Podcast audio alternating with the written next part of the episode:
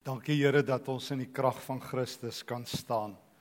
Totdat U ons huis toe roep, Here, is ons by U in U hande. En dankie dat ons vanaand dit ook kan belewe. Dankie dat ons dit kan sing, kan hoor. En nou wil ons vra Here, as U nou met die woord na ons toe kom, dat dit 'n woord sal wees wat elkeen van ons harte sal raak, asseblief. Ons vra dit in die naam van Jesus die Here. Amen. Ek kom nou die dag weer op 'n 'n 'n stukkie af wat ek ergens gelees het van 'n jong Poolse meisie wat in die Tweede Wêreldoorlog in Warskou doodgeskiet is. Sy was deel van 'n groep onskuldige mense wat op die verkeerde oomblik op die verkeerde plek was. Die oorlog was vol aan die gang. Ergens het van die Poolse weerstandbeweging 'n Duitse weermagoffisier vermoor. En die Duitsers se reël was altyd as jy een van ons offisiere doodmaak, gaan haal ons 25 van julle uit en ons maak julle dood en hulle het eenvoudig 'n klompie mense opgeruim en hulle in 'n uh, 'n straat met die naam Tsuka straat in in in Warskou in Pole aangehou, wreed gemartel en uiteindelik doodgeskiet. En na die tyd het mense na die oorlog op 'n klein inskripsietjie afgekom wat hierdie jong meisie in die muur met 'n stuk 'n uh, klip ingekrap het waar sy iets in gebroke Engels geskryf het wat min of meer gesê het ek is 21 jaar oud Ek is onskuldig. Niemand weet nie. En dis haar laaste woorde. Die lewe is partykeer hard. Die lewe is partykeer onregverdig, miskien altyd. Daar kom nie 'n handboek saam by jou geboorte wat sê jy sal die lewe lekker hê nie. Die lewe is swaar. Die prediker sê dit. Hy sê in Prediker 9 die hartseer van hierdie lewe is dat dieselfde lot alle mense tref. En en ons sluit vanaand by twee figure aan by uh, Jakob in die Ou Testament en by Nathanael in Johannes 1 wat ons uitnooi na God se lewe want hierdie harde lewe is regtig nie alles nie. Jakob se lewe is nie baie goed as ons in, in Genesis 28 by hom aansluit nie. Hy vlug. Sy broer wil hom uithaal. Want hy sy broer verkil. Julle ken die storie hoe hy sy broer en sy pa ingedoen het met die seun wat sy pa uitgespreek het. Jakob se naam beteken rofweg, jy kan dit verband bring met iets soos bedrieër. Dis nie 'n goeie naam nie. Jy wil nie graag hê jou ouers moet jou so noem nie. Jy wil nie graag hê die onderwyser moet jou altyd aanspreek hoe hier's bedrieër weer in die klas nie. Dit tel teen jou. Jakob doen sy naam gestand. Hy bedrieg. Hy vlug. Sy lewe is nie goed nie. Hy weet nie waar dit gaan eindig nie. En dan sluit ons aan in um, Genesis 28 by vers 10. Jakob is van Berseba af na Haran toe. Teen sononder het hy by 'n plek gekom waar hy kon oornag. Hy het daar 'n klip vir 'n kopkussing gebruik en gaan lê. So hy bly nou nie in die Holiday Inn nie. Slaap aan die veld want hy het nie geld nie. Hy vlug. Slaap op 'n kop eh, sy kopkussing is 'n klip. En toe droom hy. En sy drome tot nou toe is sekerlik nagmerries.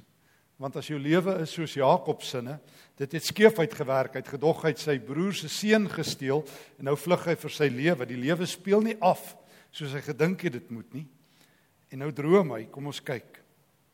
Hy het gedroom 'n leer staan op die aarde en die punt van die leer raak in die hemel en engele van God klim op en af met die leer. Toe kom staan die Here, die Here self by Jakob en sê: "Nou is dit nie meer 'n droom nie. Nou kom God in daai droom ingestap. Ek is die Here, die God van jou voorvader Abraham, die God van Isak. Ek sal die grond waarop jy lê vir jou en jou nageslag gee. Hulle sal so baie wees soos die stof van die aarde en jy sal jou gebied na alle kante toe uitbrei en in jou en jou nageslag sal al die volke van die aarde geseën wees. Ek is by jou. En ek sal jou beskerm waar jy ook al gaan en ek sal jou na hierdie land toe terugbring en ek sal jou nie in die steek laat nie. Ek sal doen wat ek beloof het. Jakob het wakker geskrik en gesê: "Die Here is op hierdie plek en ek het dit nie geweet nie." Dit is nogal 'n verskriklike ding. Hy sê dis hy het wakker geskrik letterlik. Die Here is op hierdie plek en ek het dit nie besef nie. Jakob het baie bang geword en gesê: "Hoe skrikwekkend is hierdie plek."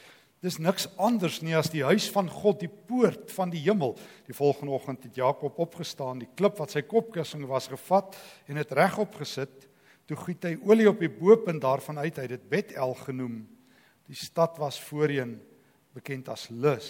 Jakob het toe 'n gelofte afgelê en gesê: "As U o God by my is en my beskerm op my reis, vir my kos en klere gee sodat ek behoue terugkom na my ouer huis, sal U Here my God wees." Hierdie klippilaar wat ek regop gesit het, sal 'n tempel wees en van alles wat U my gee, sal ek 'n tiende gee. Jakob droom, hy vlug. Maar hy loop in sy drome in God vas. Want as God nie jou aandag oop oop kan kry nie, sal hy in jou drome verskyn. Want God wil nie hê jou lewe moet so sleg afspeel dat jy eindig as 'n nobody nie. Want dit gebeur met so baie mense. So baie mense se lewe gaan van gemiddeld tot middelmatig tot nobodies. En dit is verskriklik as 'n mens se lewe so leef. Ehm um, ek het eers eendag iets geskryf, ek onthou op skool het 'n onderwyser vir my altyd gesê so die alhoë onderwyser, you bear jy is useless. Nou ek onthou useless kom van twee woorde, useless. So bly weg van hierdie ou af. En ek dink baie mense kom dit oor. Jy's hier tussen 7 plus biljoen mense op die aarde.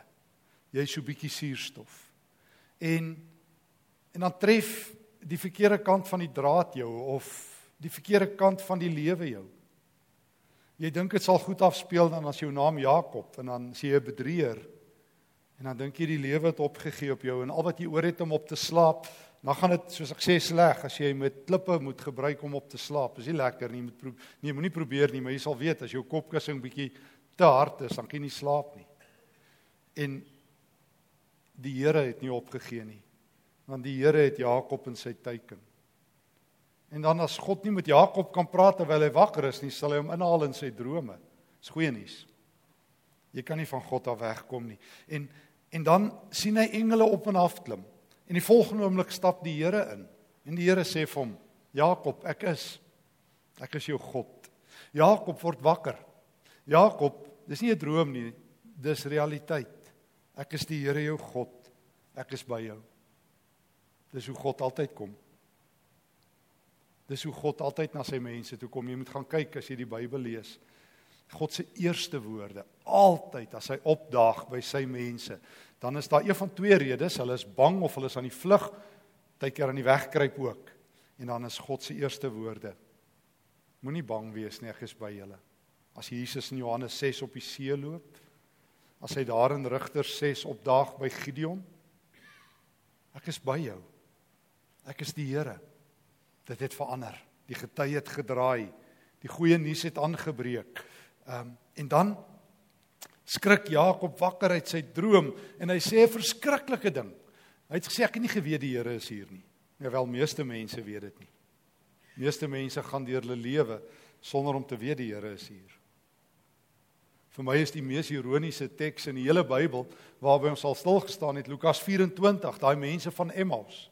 Jesus staan net die doodheid op en hy stap saam met hulle en raai wat hulle vraag? Nou waar's die Here? En hier stap Jesus saam met hulle maar hulle sien niks van God nie. So jy moenie dink jy gaan God sien as hy naby is nie. Ek wil dit weer sê want jy het nie gehoor nie. Jy moenie dink jy gaan God sien as hy naby aan jou is nie. Jakob skrik wakker en sê ek het dit nooit geweet nie. Ek het nie geweet God is op die plek nie. Ek het nie geweet God is in die huis nie. Ek het nie geweet God is in my lewe nie. Ek het nie geweet hy's in Suid-Afrika nie. Ek het mos julle nou die dag vertel van daai oom wat vir my gesê het um, God het geëmigreer. Dink ek het een hand. Ja, ja, want hy hy hy sê vir my nee, dit help nie meer ons bid nie, want want God het geëmigreer. Ek sê oom, waarna toe? Hy sê Australië toe. Regtig. Ek sê oom, hoe kom jy daarby uit? Hy sê nee, so 4 jaar terug het sy kinders geëmigreer. Toe bid hy, toe vra hy, mag die Here saam met hulle wees. En toe is die Here, toe die Here saamgegaan. Hy sê kom ons nou sien hoe lyk die land. Ek sê oom, ek was nou die dag in Sydney, ek moes 'n ding daar aanbied, maar ek ek sien rykdom en ek sien geld en ek sien voorspoed. Jy mag nie die Here gesien nie. Ek dink nie hy's saam nie, oom, hoor. Ek dink hy's hier. En ek hoop hy oom het wakker geskrik toe ek dit vir hom sê. En ek hoop jy skrik ook wakker. Die Here is op hierdie plek. Het jy dit nie geweet nie? Die Here is in jou lewe. Al is jy Jakob, 'n jong ouetjie wat vlug vir jou broer, al is jy net besig om uit te hang met die lewe. En toe sit Jakob 'n klippilaar regop en hy verander die naam van die dorp en hy noem dit Bethel wat beteken in Hebreëus huis van God. Huis van God. God se huis. Huis van God. En Here van nou af sal ek U dien. Jakob skrik om in geloof in. Dis 'n goeie skrik. Want jy wil nie graag doodgaan en teen 'n muur eendag uitkrap. Hier is my lewe tot 'n einde en dis al nie. Jy wil sê Here, as my lewe eindig, moet dit saam met U wees. My lewe moet tel. Vra vir Nathaniel, die tweede ou by wie ons stil staan. Johannes 1. Johannes 1. Dis so in die middel van 'n gesprek wat hier aan die gang is. Dis dis 'n aangrypende gesprek wat hier vanaf vers um 35 eintlik loop waar ehm um, Johannes die Doper Jesus en Jesus vasloop en sê daar's die lam van God en almal is opgewonde en dan um, kom 'n paar ouens wat hom gevolg het en hulle los hom hulle loop agter Jesus aan en uiteindelik vanaf vers 45 Filippus een van die ouens wat agter Jesus aanloop hy kry vir Nataneel en hy sê vir hom ons het hom gekry van wie Moses in die wet geskryf het en van wie die profete ook geskryf het dis Jesus die seun van Nasaret ag die seun um, die seun van Josef. Nathanael het Jesus begin volg, hy het Jesus gesien. En hy is so opgewonde, hy kan nie ophou praat nie. Want dis wat gebeur as Jesus in jou vasloop en jy in hom, as jy regtig vir Jesus ontmoet. As hy jou soos ons net nou gesing het uit die dood uit uit die graf uit roep.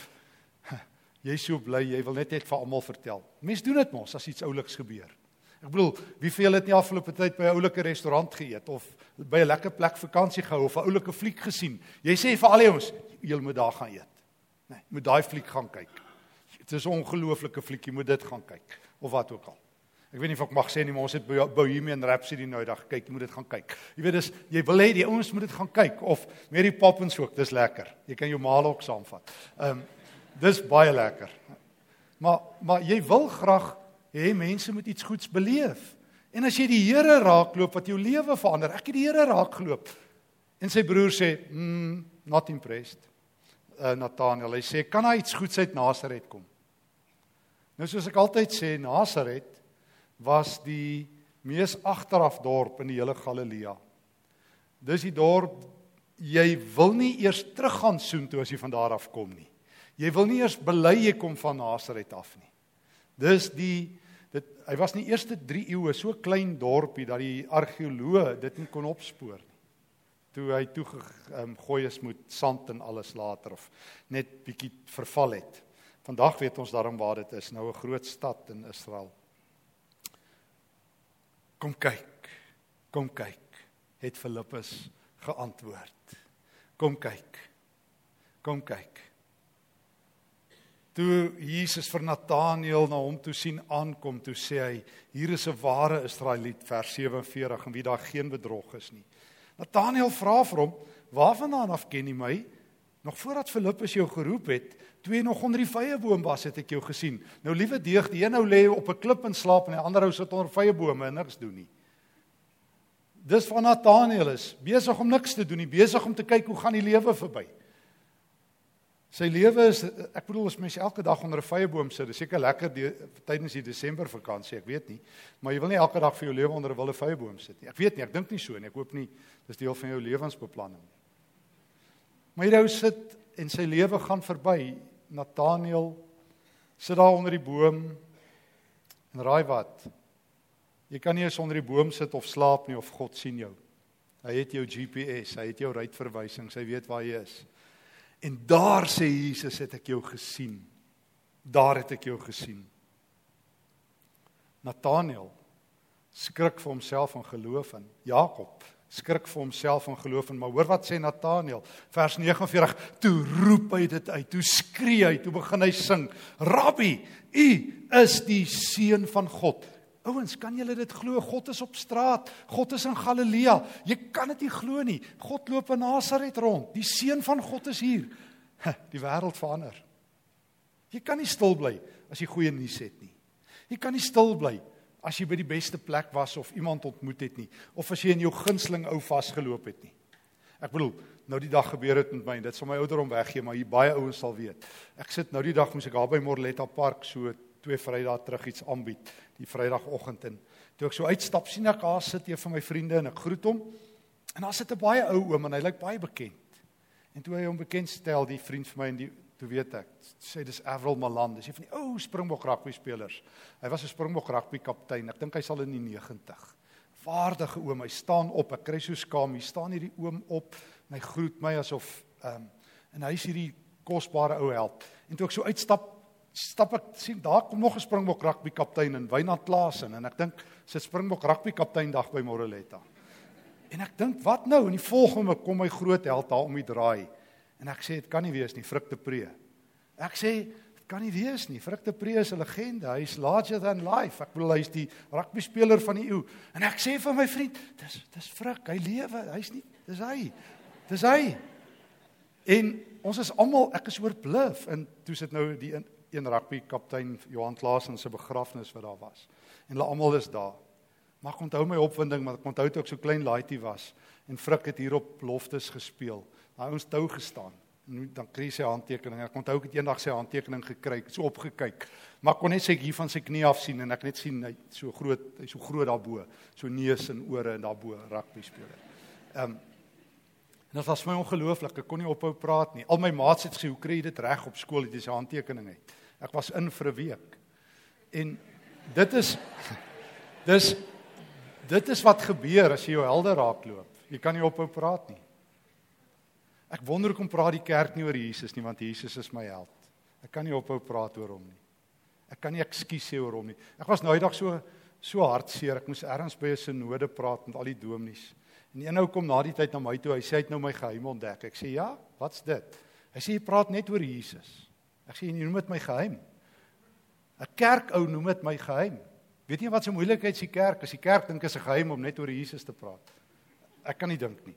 Want Jesus is my lewe, want ek wil saam met Nathanael uitskree. Toe ek nog daar in Kempton hoor gesit het onder die boom het Jesus my gesien. Toe hy nog daar op daai klip gelê en slaap het, meneer, het God jou gesien.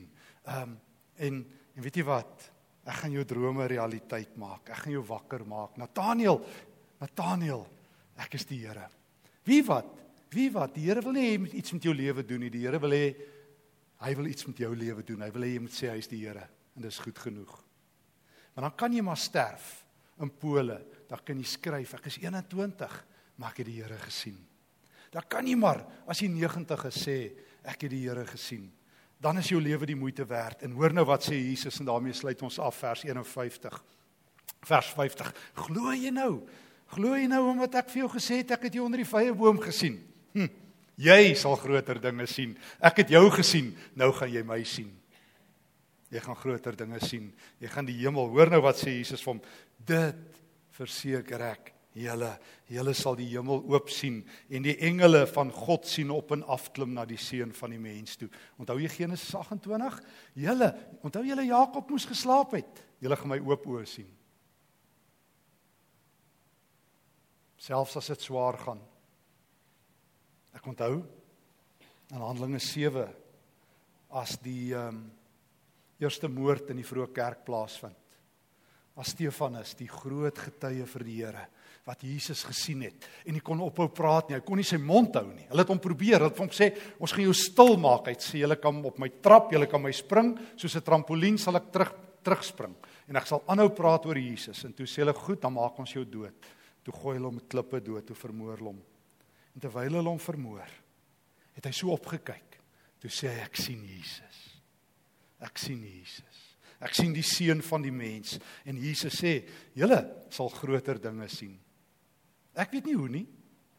Maar ek wil vir jou een ding sê. Ek weet nie wat God se plan met jou lewe nie, maar dat hy 'n plan het. Hy wil hê jy moet Jesus sien. Ek dink dis sy groot plan. Ehm um, en ek dink hy wil hê jy moet agterkom.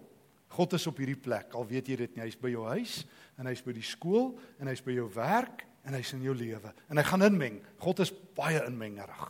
Hy kan nie sy neus uit ons sake uithou nie, maar hy's nie 'n busybody nie. Hy wil vir ons lewe gee. Hy kan ons nie los nie, hy het ons te lief. En al sit jy onder jou vrye boom besig om niks te doen nie, Jesus sien jou. En al wat hy wil hê, jy moet groter dinge sien. Jy moet die Here sien. Want as jy net lewe sien en net moeilikheid sien en net die dood sien, sien jy te min. Sien jy te min. Die Here nooi jou vanaand uit. Hy nooi jou vanaand uit. Al as jy slaap, ek sal in jou drome inmeng. Al sit jy onder jou vyeboom, ek sal jou raak sien want ek wil jou nooi na die Jesus lewe toe. Ek wil jou nooi om my raak te sien. Ek wil hê jy moet sien hoe engele op en af klim. Ek wil jou lewe die moeite werd maak. Ek wil jou lewe die moeite werd maak. Ek moet daai storie weer vertel. Ek vertel hom so baie, maar ek moet hom weer vertel want ek doen dit tot eer van een van my helde. Julle sal hom onthou. Dit is die 10de Mei 1941 dat hy sterwe in Auschwitz, Maximilian Kolbe. Die enigste Christen wat daar sterwe. Waarvan ons weet, daar was nee, ek dink daar was een of twee ander, maar maar Maximilian Kolbe is is een van die min Christene wat in die Joodse strafkamp waar die Duitsers hulle vergas sterf. Dis die 10de uh, Augustus 1941. 10 dae tevore het hy plek geruil. Onthou julle? Hy het plek geruil met Francis Tchekajowiczek. Daar het uh, iemand ontsnap uit Auschwitz en die reël is so het hulle gedink as iemand ontsnap dan dan maak hulle 10 mense in jou plek dood. En toe kies die kampkommandant 10 mense sommer net so 10 mense en Falkajowiczek neer hy's gekies en hy smeek genade. Kampkommandant sê dis oorlog, dis hoe dit gaan meneer. En die volgende week stap Maximilian Kolbe vorentoe die Christen wat daar is omdat hy Jode in sy klooster weggesteek het. Dis hoekom hy in Auschwitz beland het. So sê hulle, ons sal jou nou soos 'n Jood behandel, jou Christen. En uh toe vra hy, kan ons plekke ruil? Kan ons plekke ruil? Kan ons plekke ruil? Kampkommandant sê jy's mal. Hy vra, kan ons plekke ruil? Hoekom kon hy dit doen? Want daai jong meisie sterf waar waarmee ek begin het in Pole sonder God Maar in daai einste oorlog wat soos die hel lyk en Auschwitz sê hulle is 'n voorstasie van die hel gewees. En hier is een van die Here se kinders wat Jesus gesien het.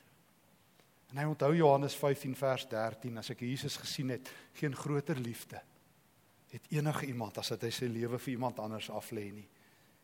En 10 dae later sterf hy nadat hy nadat hy uitgehonger word.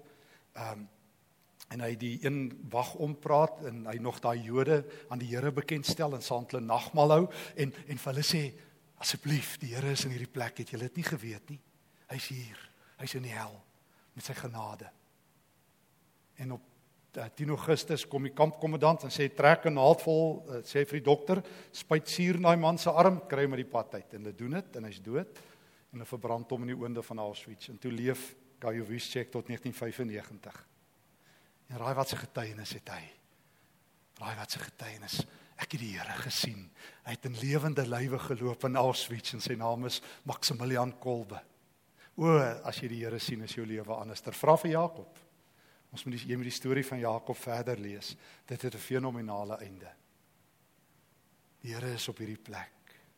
Hy's in Pretoria, hy's in jou lewe, hy's in jou drome, hy's onder jou wilde vye bome, want hy wil hê jy moet groter dinge sien. En die res sal goeie nuus wees. Amen. Dankie Here vir die mooi woord. Dankie vir Jakob en vir Nathaniel. Here asseblief, as U my nie my aandag kry as ek wakker is nie, kom in my drome. Here, en as U nie my aandag kry as ek besig is nie, keer my vas as ek onder 'n boom sit. Maar Here asseblief, ek moet die Here sien. Here, ek wil nie maar net my naam teen 'n muur graweer en sê die lewe is onregverdig nie. Ek wil 'n lewe leef wat tel. Ek wil 'n lewe leef soos Nathaniel, soos Jakob, soos Maximilian Kolbe. Hier is ek, Here. Maak my oë oop dat ek kan sien. Ek sit my lewe in U hande. Amen.